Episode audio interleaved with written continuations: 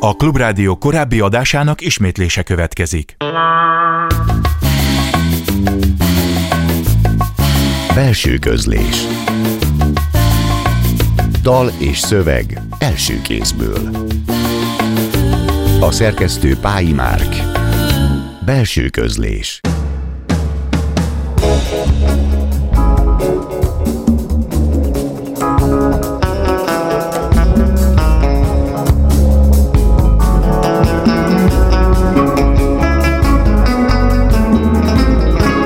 estét kívánok! A Klubrádió zenés irodalmi műsorának mikrofonjánál Szegő János köszönti Önöket.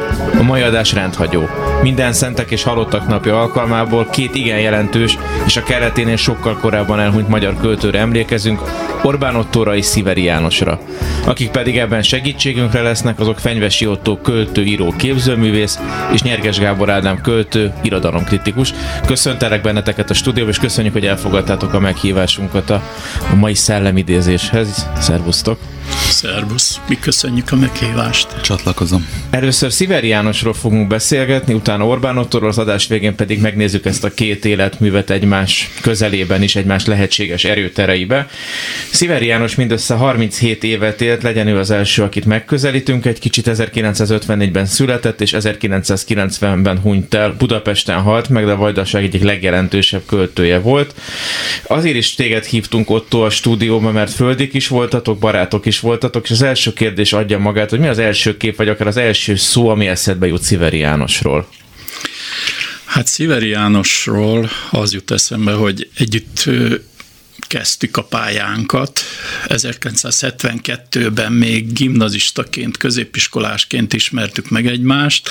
Újvidéken egy kiállításon. Igazából mind a ketten a képzőművészet felől indultunk el, és az irodalomhoz hát később jutottunk el. A Jancsit egy kiállítás megnyitón ismertem meg, és ott én azt hiszem második díjat nyertem, ő pedig harmadik díjat, egy ilyen ifjúsági képzőművészeti vetélkedő volt, fiatal képzőművészek vetélkedése, és, és utána az, az volt a nyereményünk, hogy Mártéra jöhettünk Magyarországra egy ilyen nemzetközi képzőművészeti ifjúsági táborba, ahol hát két hétig együtt voltunk, és, és igazából akkor kovácsolódtunk össze, és és később pedig hát nagyon sok közös dolgunk volt. Egyrészt ugye 1975-ben már akkor Újvidéken voltunk, és ott tanultunk a, az Újvidéki Egyetem magyar tanszékén, hiszen ez volt az egyetlen olyan hely, ahol magyarul lehetett tanulni Jugoszláviában, magyar nyelven, a többi az már az mind szerbül vagy horvátul, attól függ, hova jutott az ember, és hát később pedig együtt csináltuk az új szimpózium folyóiratot.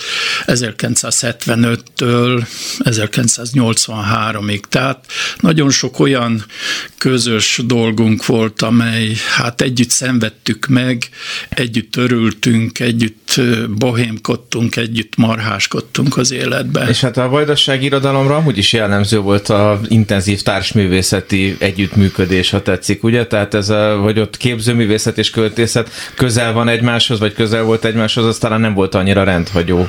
Mit gondolsz, helytálló az a megközelítés, hogy Sziveri a vajdasági magyar irodalomból indult, és rövid élete vége felé érkezett meg a magyarországi irodalomba. Ugye utolsó kötetei már Magyarországon jelentek, meg magyarországi kiadóknál, és úgy tűnik, mintha tényleg nagyon hirtelen ért véget volna ez a pálya, meg ez az élet, és a végén lett volna benne már a magyarországi diskurzusba. Ezt ti akkor és most hogy látod? Annak idején mi az új szimpózion szerkesztőiként tartottuk a mozgóvilággal a kapcsolatot. A régi mozgóval. A régi mozgóvilággal, igen.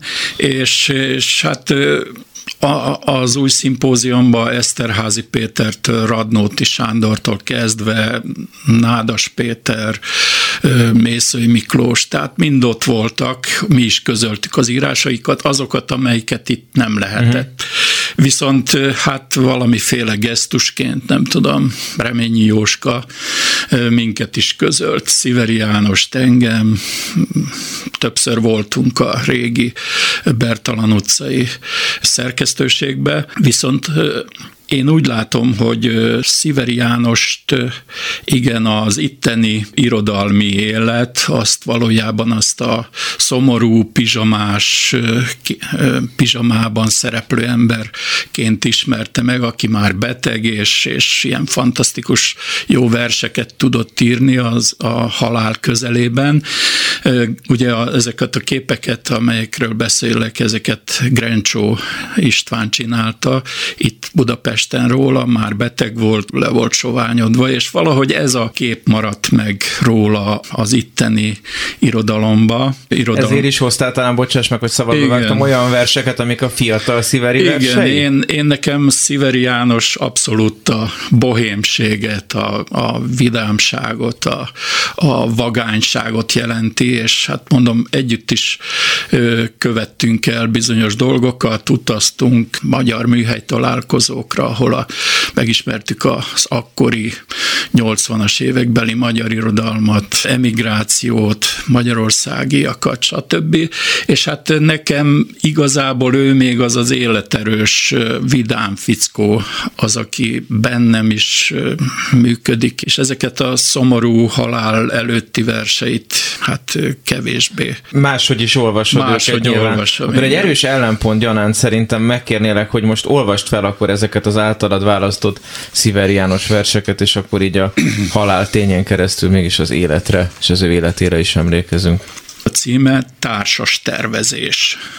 Utarsi Erzsébetnek, akivel az oszthatatlant is megosztottam. Most, hogy így stabilizálódott a helyzetünk, nem tudom, miért kell, hogy jók legyünk. Ha másnak az erkölcs csak puszta fényűzés, lerombolva építés, miért, hogy hisszük még tételes igazunkat? És ha már az igazság semmit nem mond a mának, miért, hogy csillapítja dühünket a bánat? Azt képzeltem, egyik pillanatban veszünk Temerimben telket, te is helyeselted, s lesz majd macskánk és kutyánk, de csak az sebeimre raktapasz, vagyis valamiféle megélhetést reméltem, s amit kaptam, csak annyi. Fél nap alatt feléltem, egyszer csak elkezdett hullani a hó, még jó, hogy a szobánkban hideg van, akkor fázhatsz, amikor éppen akarsz. Ennyit azért megadhatok neked. Van még tavalyról fűtőolajunk, majdnem 70 liter, s feláldoztuk egy kájháért a telket, ami még tartotta bennünk a lelket.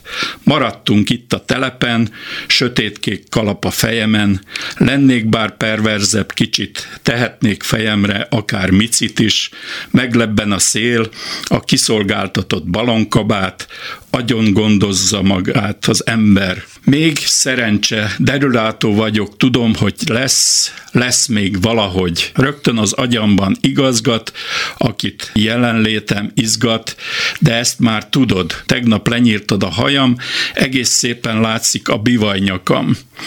Velünk minden csak előre halad, vagy hátra. Szükséged lenne egy kis nagy kabátra.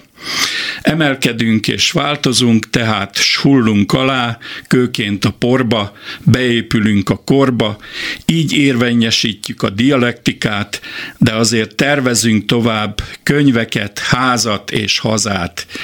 Miért nem vagyok perverzebb kicsit, hogy vegyek legalább kocsit, vagyis gyerekszekeret, esetleg kenyeret, ha megkapom a bérem, a bérencek elővigyázatosan apasztják vérem. Azt mondják rólam, iszik és szélhámos, de te tudod, csak álmos, álmos, mint a katonák, aludni csupán egy élettel tovább, aludni estétől estélig, s vinni odébb önmagad, legalább emelettel feljebb, mint a lift.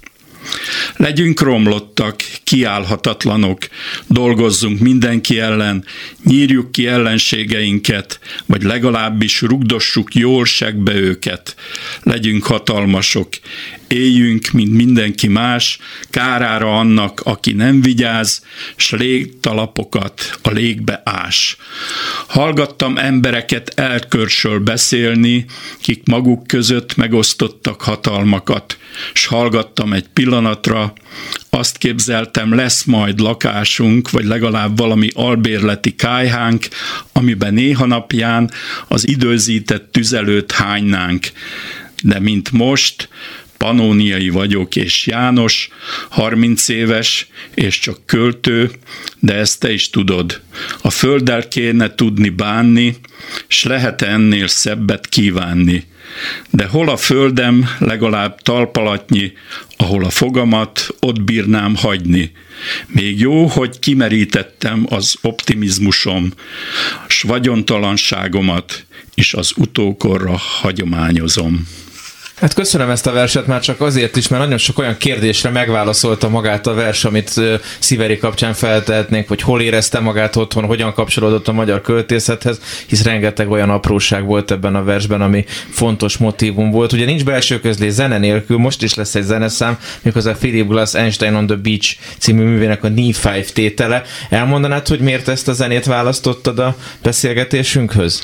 Igen, Sziveri Jánossal 1981-ben Bécsbe voltunk a, az említett magyar műhely találkozón, illetve Hadersdorfban kint, Bécs mellett, és hát oda megérkeztünk, mint fiatal emberek, én, mint punk, Sziveri is egy ilyen hippiszerű ember, és hát nagy megrőkönyödést okoztunk ottan többeknek. Azóta is itt évtizedek óta emlegettek bennünket, hogy megjöttek a délvidéki barbárok, és már az első nap különböző problémák voltak, Sziveri beleesett egy medencébe, de hát ezt túléltük. Utána is voltak különböző dolgok, de ott hagytuk a felolvasásokat, és bementünk Bécsbe, és kerestük ezt az Einstein on the Beach című Philip Glass lemezt, mert hogy láttuk Belgrádban ezt a 6 vagy 7 órás előadást, és Bob Wilson rendezte. Bob Wilson rendezte, és fantasztikus hatással volt ránk, és abba éltünk, hogy meg kell szerezni a zenét, és hát a bakelitot ott megtaláltuk valahol az operával szembe volt egy ilyen föld alatti lemezbolt, és ott megvettük a dupla lemezt, és akkor ezt hallgattuk. Hát hallgassuk most együtt mi is.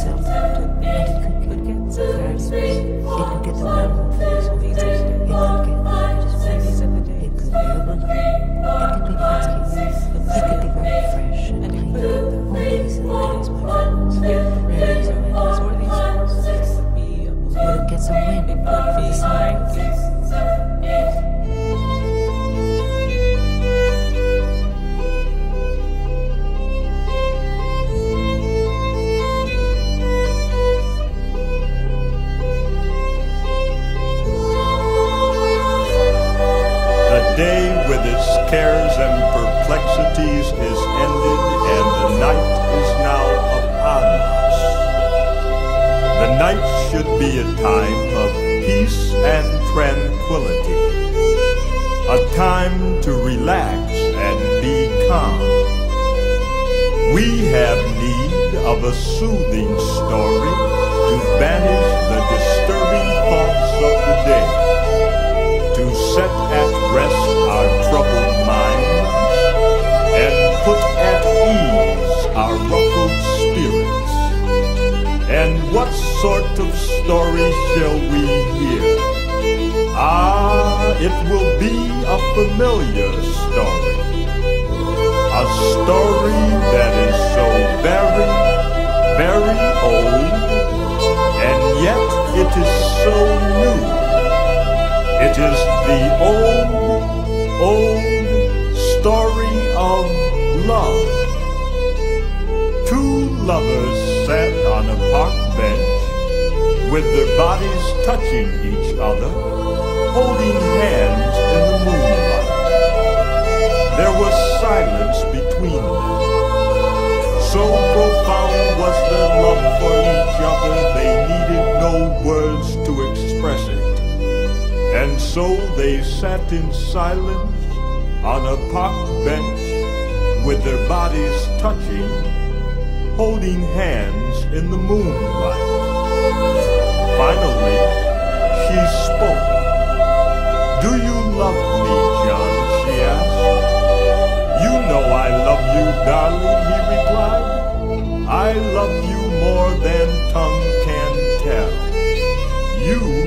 light of my life, my sun, moon, and stars.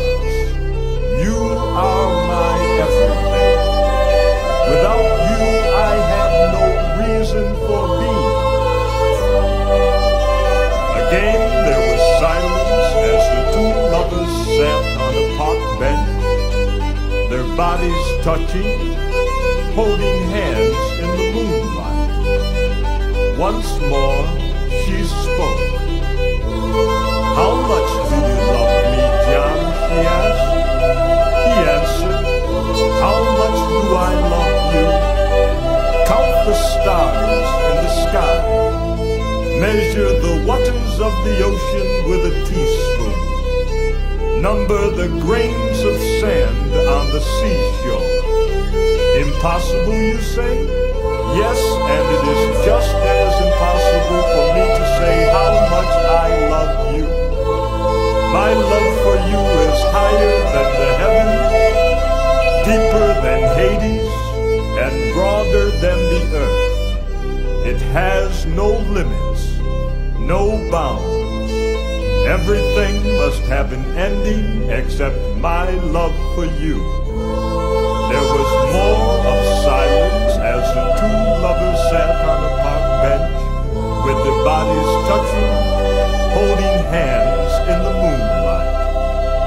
Once more, her voice was heard. Kiss me, John, she implored, and leaning over, he pressed his lips warmly to hers in fervent osculation.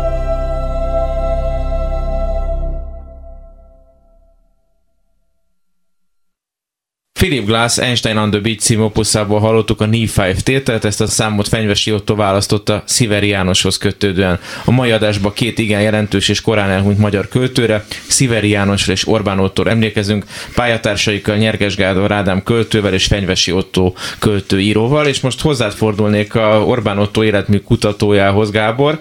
Ugye Orbán Otto 1936-ban született, és 2002-ben halt meg, 67 évet élt, idén lenne 85 éves, és már 19 éve nincs közöttünk. Az ominózus irodalom történeti purgatóriumban a kortárs és a klasszikus határán szerinted hol van most Orbán Otto? Szép nehéz kérdéssel kezdünk, mert hát ugye pont az Orbán recepciónak a, a megítélése már egy nagyon nehéz dolog. Nyilván az elfogult kutató az rendszerint reklamálni szokta, hogy nem értékén becsülik az általa kutatott szerzőt, vagy nem foglalkoznak vele eleget.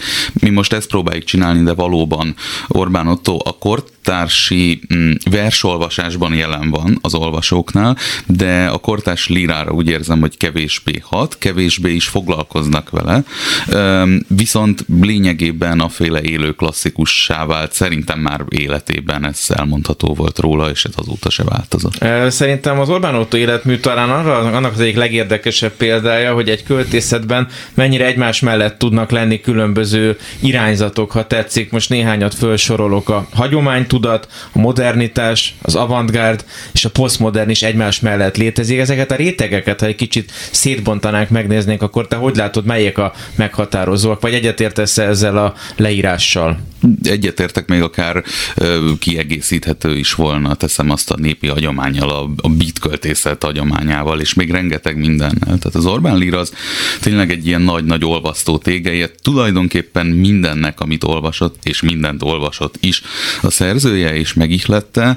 Tulajdonképpen a, a saját részben ironikus öndefiníciójához tudnék kapaszkodni, vagy abba tudnék kapaszkodni, hogy ő a féle konzervatív költőként határozta meg magát, miközben a legkora, legmodernebbül gondolkodó szerzői közt volt, de az attitűdjében mégis volt valami, tehát a hagyományőrzés azt hiszem számára a megújításon keresztül, meg a különböző izgalmas konstrukciók létrehozásán keresztül, de mégis fontos volt, és szerintem ezért is van az, ha már visszautalva az előző kérdésedre, hogy, hogy klasszikusnak érezzük, a modernségében is, mivel nem olyan trendszerű volt a modernsége, nem is kopott annyit egy másik költői paradigmából visszanézve sem. És egy kicsit olyan volt a költészetében, mint az az ember, aki Ungváron élt 5 évtizedig, és hat országnak volt az állampolgára, tehát hogy igazából az ő költészete mindig egy fix ponton volt, csak mintha pályája elején egész más, hogy nézték volna azt a pozíciót, és élete végén, meg mintha már egyfajta oppozícióba lett volna ez a pozíció. Erről mit gondolsz?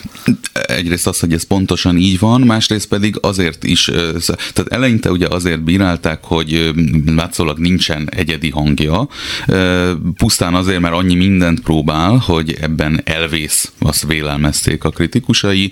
A vége felé pedig valóban, ahogy mondod is, nem tűnt már elég újítónak mondjuk egy újabb korszak szellem felől nézve, miközben én azt hiszem, hogy akkor én is hoznék egy ilyen hasonló példát, tehát mint hogyha egy úszó egyszerűen egy másik medencében úszna, és nem is érdeklik azok a paradigmatisztikus irodalmi elvárások, amik körülötte történnek.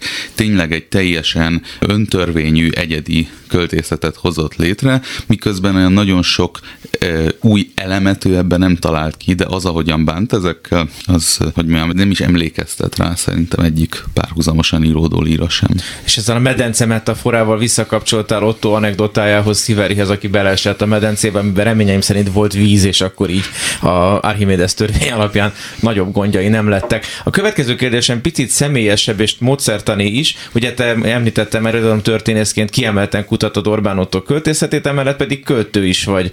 És adná magát a kérdés, hogy hogyan úszod meg, vagy nem úszod meg, ha már medence, hogy hasson rád, vagy ne hasson rád ez a líre. Ugye számvetés forgó című kötetednek meghatározó előzménye, az irodalmi humor tekintetében is rokoníthatók vagytok. Nem akarok rádieszteni egy Halloweenkor a hatás iszonyjal, de mégis hogy álltok így ketten? Nem, nem tudsz már rám ijeszteni, mert ezt kipipáltuk. Azt hiszem, hogy én valahogy úgy viszonyultam Orbán Ottohoz, Orbán Otto költészetéhez, ahogy ő is más hatásokra.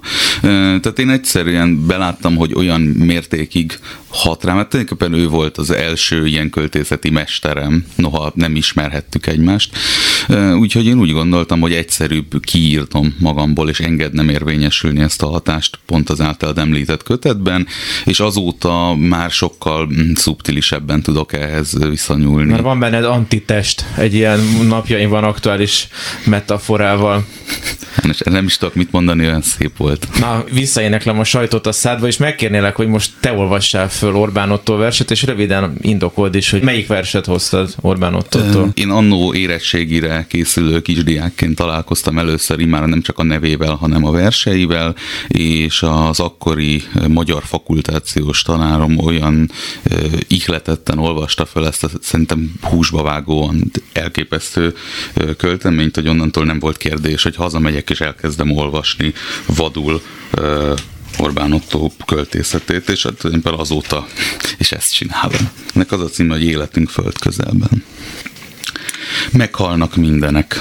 Meghalt Kassák Lajos, meghalt Déri Tibor, meghalt Kormos István, meghalt Nagy László, meghalt Örkény István, meghalt Pilinszki János, meghalt I. és Gyula, meghalt Kálnoki László, meghalt Jékeli Zoltán, meghalt Vörös Sándor, meghalt Karinti Cini, meghalt Nemes Nagy Ágnes, meghalt Vas István, meghalnak mindenek. Ébresztő föl a kurva anyjukat, tíz perc múlva bassza meg magukat a hétfelé lángoló faszával a dicsőséges mennyei sereg, minden rohadt buzeráns emberi csont hófehéren és teljes menetfölszerelésben sorakozik az udvaron. Angyal úr, kérem szépen, tizedes úr, te barom! Tizedes úr, kérem szépen, kus! Tíz perc múlva, és ne adja a magasságos Isten, hogy egy is elkéssen, mert az egész föld alatt bujkáló, orfacsaró, büdös civil banda csúnyán rábaszik. Vigyázállásban.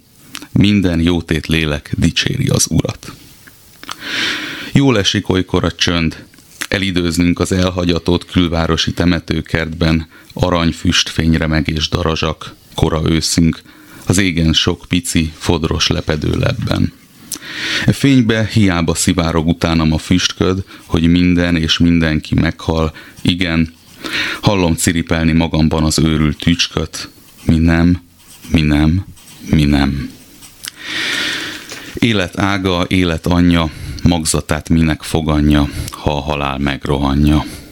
Lajos, te ne basz ki velem, te meg ne hóit nekem, hé Lajos, a rózsi van itt, a te rózsit szól hozzád, Lajos, ne basz ki velem, te szemétbánya, Lajoskám, én vagyok a te szerető rózsid, ne hagyj itt, te szemét, te drága, jaj, jaj, jaj. Bogár, bogárkám, bogaracskám, kiskutyám, kutyuskám, az egyetlen ember, akit szerettem ezen a földön, egy kutya. Úgy kellett őtet onnét kilapátolni csúnyájul, be volt zúzva nekie az arca, valósággal megmondva nem is volt már arca nekie, semmi se csak egy olyan véres takonyforma volt, az Isten megbocsássa nékem, egy nagy rondaság volt az már, nem ember, csak hót, az egyik karját is nekie úgy tanáltuk meg később vagy 50 méterre a sinek mentén, hogy elütötte őtet a gép. Beléndek és bürök anyja, ha a halál megrohanja. Nyugodjék békében. Vers volt, míg volt vers, most széttépem. Nyugodjék békében. Ha eddig sem, mostantól végképp nem. Nyugodjék békében, cáfolhatatlan tényképpen. Nyugodjék békében, lángoló vércsöpp az égkékben. Nyugodjék békében, gyönyör és kaland a rémségben.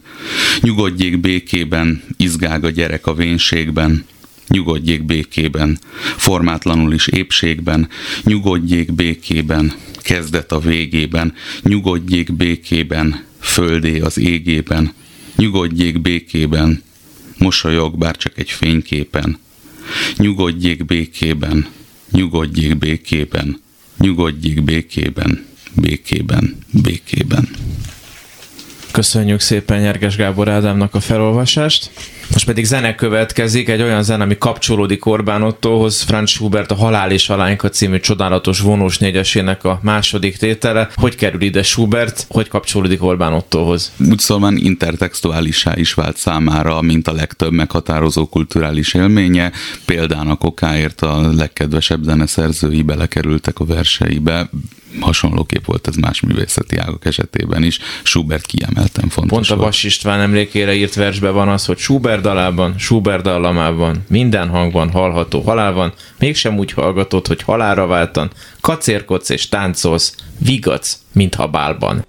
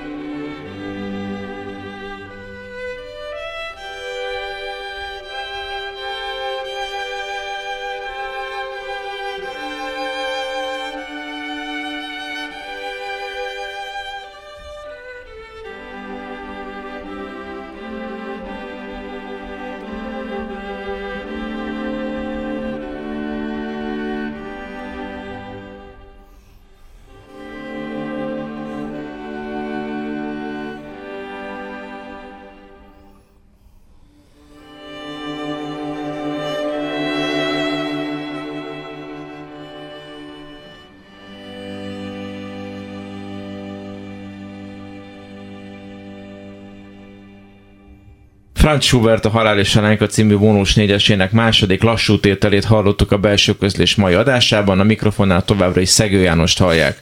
A mai adásban minden szentek és halottak napja alkalmából Orbán Ottóra és Sziveri Jánosra emlékezünk két korán elhunyt jeles költőre, ebben Fenyvesi Otto és Nyerges Gábor Ádám segít minket, velük idézzük fel a két költő alakját, és most már egy kicsit nézzük is őket egyfajta közös kontextusban. Nem tudom, ők valaha találkoztak egymással, erről van bármelyik ötöknek valamilyen tudása, tudomása? Én nem tudom. Most Fenyvesi Én találkoztam Orbán Ottóval és Sziveri Jánossal is, de hogy ők egymással, azt nem tudom. Gábor? Én még kevésbé tudom. Nem tartom kizártnak. Ti, mint druszák is találkozhattatok Orbán Ottóval. Én a 80-as években kezdtem el közölni, miután betiltották az új szimpóziont Újvidéken, akkor kezdtem el közölni itt a Budapesten a kortársba, uh-huh. és akkor ő ott főmunkatárs volt, és a 90-es években is egészen a haláláig, hát nagyon nyomon követte a költészetemet, és egyfajta mentorként őrködött fölöttem, és mondogatta, hogy írjál többet, de mostanában már az van, hogy az utóbbi időben elkezdtem, két nagy adósságom van, vagy volt. Az egyik Tandori Dezső, őt már elkezdtem földolgozni a jelenkorban, meg is jelent egy hosszabb versem róla, de most elhatároztam, hogy Orbán Otto után is utána nézek régi könyvek, stb. Nagyon izgalmas terepnek ígérkezik Orbán Otto felfedezése. Egyrészt ugye a a beat költészet miatt vonzódtunk talán egymáshoz valamennyire, bár ő neki ugye a Ginsberggel és a beat költészettel voltak fenntartásai igazából. Azt hiszem halála előtt utolsó találkozásunk az Balatonfüreden volt, épp a Quasimodo hmm. Fesztiválon, és még ottan nagyon reszketegen üldögélt, és együtt vacsoráztunk. Hmm. És mit gondoltok, hogyan érdemes megnézni az ő lehetséges alkati rokonságokat? Most két hosszú hosszú verset olvastatok mind a két költőtől, és mint hogyha a formának, a formátlanságnak, a határok feszegetésének a tapasztalatába vagy kísérletébe talán rokoníthatóak, de hogy látjátok, mennyire voltak akár kortársai egymásnak abban néhány rövid évben is, vagy mennyire vannak egymáshoz távol vagy közel a magyar irodalom történetében immáron? Urak! Ugye um tehát az, hogy, hogy találunk olyan szerzőket, akiknek a betegségük meghatározó volt, illetve tehát a halálköltészetük meghatározó volt az életük vége felé, az, az általában már eleve kijelöl egy párhuzamot, de szerintem akkor már érdemesebb egyrészt tényleg ezt a, a, a sajátos, nehezen kategorizálható stílus kialakítását mondani, a, a, a humorhoz való viszonyt, illetve az, hogy az mondjuk a, a, a, az egzisztenciális ilyen önképpel, az, az önmagunk magunk állandó újraértelmezésével hogyan tud összefüggeni. Ez, ez ma azt hiszem egy viszonylag ritkás dolog, és éppen ezért is még inkább felértékelő. És nem lehet, hogy ez a groteszkre való hajlam, ironikusság mm. abból is fakad, hogy mind a kettőknek szomorú végük lett a halálukkal, de hogy a kisebbségi sorsba születtek, ha tetszik mind a ketten. Orbán Otto a második világháború zsidónak minősített magyar állampolgárként vészelt át, édesapját elvesztette, Sziveri János kisebbségiként nőtt föl egy Jugoszlávia nevezetű, ma már utópiában, Amerikába. Lehet, hogy ez is egyfajta muníció volt, hogy a költészetükben ennyire erős hajlamuk legyen az iróniára, öniróniára? Nálunk az volt, hogy a, az a költészeti hagyomány, amit mi kaptunk a szimpózion idősebb generációjától, az egyfajta demisztifikációja volt a költészetnek, tehát egyfajta szétszerelése, lebontása ezeknek a fenséges dolgoknak, amik a költészetre rárogattak, és én úgy látom, amit itt Gábor is felolvasott, nagyon örültem, hogy az első az kassák volt a, a vers első mondatában, mert hogy nekünk kassák annak idején, hát az új szimpóziumban egy szimbólum volt, a tolnaiék kapcsolatba álltak vele, de mi már nem, mert hát ő akkor már meghalt 60-as években, de épp a kassáki költészet, ami szerintem ma sincs ott, ahol kellene, meg a fiatalok se for fordulnak felé, ez a formátlanság és ez a demisztifikáció, ami szerintem egy egészséges demisztifikáció ezekkel a fenkölt, fenséges dolgokkal szembe, ez fontos. És a történelemben nincsen, ha az irodalomban azt hiszem valamennyire lehet. Mit gondolsz, hogyha Sziverit ilyen hamar nem ragadja el ez a rettenetes halál, akkor merre folytatódhatott volna, merre alakulhatott volna ez a költészet, immár a 90-es években ebben a Magyarország irodalmi hörömpölyben? Valószínűleg akkor ő még nem jött volna át, ő csak a betegsége miatt jött át, mert hogy az itteni barátok segítséget ajánlottak neki, hogy kezelés, stb. Ugye ő neki rák betegsége volt, ilyen hasnyál és gyomor egyéb bajai, és hát ez nagyon gyorsan lefolyt, egy-két év maradt a felfedezés után neki, és ő benne valamiféle ösztön, ilyen vulkánszerűen a halál közelsége. Én szerintem valahogy megmaradt volna egy kicsit ennek a délvidéki barbár hangok jobban megérintették volna mondjuk egy ilyen bartóki barbárság, ami nem annyira szabályos, nem annyira beszabályozott, ott inkább, ahogy részemről is a költészet az inkább ilyen szabálytalanság, szabálytalanságok keresése, felfedezése és kísérletezés. Aki pedig erre az utolsó szíverire kíváncsi, ajánljuk a Bábel című versét, ahol ennek a belobbanását láthatjuk. Még egy érdekes perozom, hogy Orbán Otto betegségekor is a barátok, tisztelő kollégák segítették, amennyire lehetett Orbán Otto gyógyulását, Radnóti Színházban esteket szerveztek, stb. Tehát ez is egy lehetséges, hát szomorú párhuzam talán. Igen. Igen. Csak ahhoz szeretem csatlakozni, hogy ezen én is sokat gondolkodtam, hogy mi, mi történik a Orbán Otto, hiszen élhetne ma is. Igen, hát 85 éves élni. lenne. Így van. És arra jutottam, hogy a, a pályája utolsó szakaszában ezt szokták mutatni, hogy klasszicizálódik, leegyszerűsödik a verselése, de ennek azt hiszem inkább a betegség fizikai tüneteihez is voltak közei, de hogy nem, nem nagyon változtatott volna azon, ami a költészete alapképlete ezen a sok regiszterűségen, és hát, hogy mondjam, mondjam, pontosan azáltal, hogy ez manapság viszont már pont a játékosság, az, a szöveggel való babrálás, a humor, az irónia, az viszont egyre inkább kikopóban van. De, amit kérdeztél korábban, ezt látjuk azt hiszem a, a recepcióján azon, hogy kortársilag mennyire nincs jelen. Az Orbán költészet ezért sem változott, de azt hiszem nem változott volna nagyon. Nagyon szépen köszönöm mindkettőtöknek, hogy itt voltatok, és kicsit felidéztük ezeknek a költőknek az alakját, és ugyan most a halál apropójából találkoztunk, más távolatot áld a halála, vagy a Radnót írja a versébe, de mégis örülök, hogy az életszerűségre és ezeknek a pályáknak meg annyi titkára egy kicsi fény vetülhetett egy képzavarral élve. Mai adásunk végéhez értünk, talán még azt kell elmondani, hogy mind a két nagy magyar költő a Farkasréti temetőben nyugszik, úgyhogy ha bárki esetleg fel szeretné keresni a sírjukat most vagy akár mikor, akkor ezt megteheti. Én meglepődtem, azt hittem, hogy Sziveri esetleg a Vajdaságban nyugszik, Orbán ott meg valami az Óbudai temetőbe képzeltem, nagyon sok fontos barátja nyugszik ott, de minden esetre réten vannak. Mai adásunkban is volt zene, Schubert, illetve Philip Glass szerzeménye, és a végén már az marad csak hátra, hogy elköszönjek. Vendégeinknek Fenyvesi Otto költőíró, képzőművésznek és Nyerges Gábor Ádám költő irodalomkritikusnak köszönöm, hogy itt voltak. Megköszönöm figyelmünket a hangmérnök Budai Márton nevében is. További szép estét kívánok. A műsorvezetőt Szegő Jánost hallották. Belső közlés Dal és szöveg első kézből A szerkesztő Pályi Márk Belső közlés A Klubrádió korábbi adásának ismétlését hallották.